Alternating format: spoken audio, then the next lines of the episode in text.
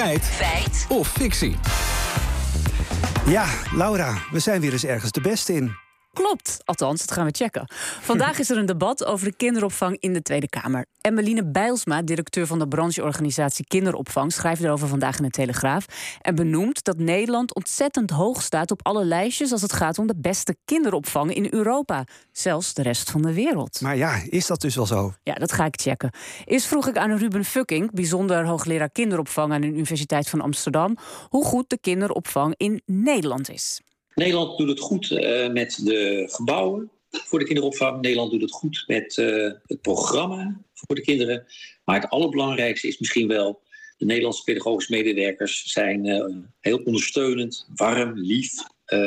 voor, voor, de, voor, voor ongeveer een miljoen kinderen. Oké, okay, ik hoor goed, goed, goed. Maar zijn we ook de beste? Op veel gebieden wel, zegt Pauline Slot, universitair docent en onderzoeker aan de Universiteit Utrecht. Zij deed onderzoek naar de kinderopvang. Zij zegt dat de randvoorwaarden in Nederland. Ze zegt dat de randvoorwaarden in Nederland goed zijn. Bijvoorbeeld op het gebied van de beroepskracht-kindratio.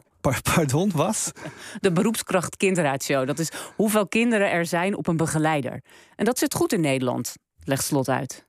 Een ratio van 1 op 3 bijvoorbeeld voor uh, baby's, van 0 tot 1. Dat is echt heel gunstig met uh, heel veel uh, in vergelijking eigenlijk met andere landen. Ja, bijvoorbeeld bij onze zuiderburen in Vlaanderen. Daar is het bij baby's soms 1 op 8. Dus één medewerker op 8 kinderen. Ja, dat is echt wel een behoorlijk verschil. Maar gaat het nog meer goed in Nederland? Ja, zeker. Wij zorgen er ook voor dat kinderen fijne ervaringen opdoen in de groep. Kinderen kunnen zich goed ontwikkelen, legt Slot uit.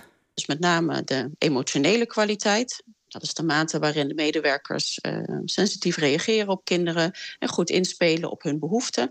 En daarin scoren we eigenlijk heel hoog. En vergelijkbaar ook met een aantal andere landen, ook de Scandinavische landen bijvoorbeeld, doen het goed op dat punt. Ja, de kinderen doen hier veel spelletjes en activiteiten waardoor hun ontwikkeling gestimuleerd wordt.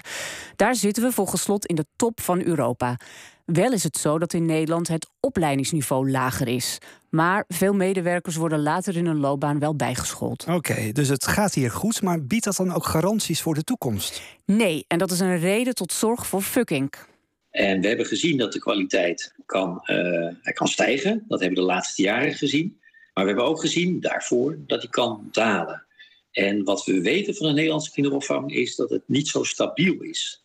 Dus uh, we hebben te veel schommelingen gezien de afgelopen jaren. Ja, en Kjeld Jellesma, voorzitter van Boink, de Belangenvereniging van Ouders met Kinderen in de Kinderopvang, is bang dat het allemaal snel minder goed wordt. De kwaliteit staat onder druk omdat er personeelstekorten zijn, omdat er op veel te grote schaal uh, het niet mogelijk wordt om mensen die in opleiding zijn in te zetten.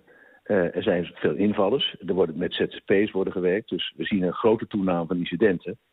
Uh, en op dit moment staat die kwaliteit om die reden eigenlijk op een onverantwoorde manier onder druk. Oké, okay, goed. Laura, feit of fictie? Is de Nederlandse kinderopvang een van de beste van Europa? Nou, we zijn geen wereldkampioen kinderopvang, maar we komen daar wel in de buurt. Ondanks dat de toekomst nog onzeker is, is het voor nu in ieder geval feit.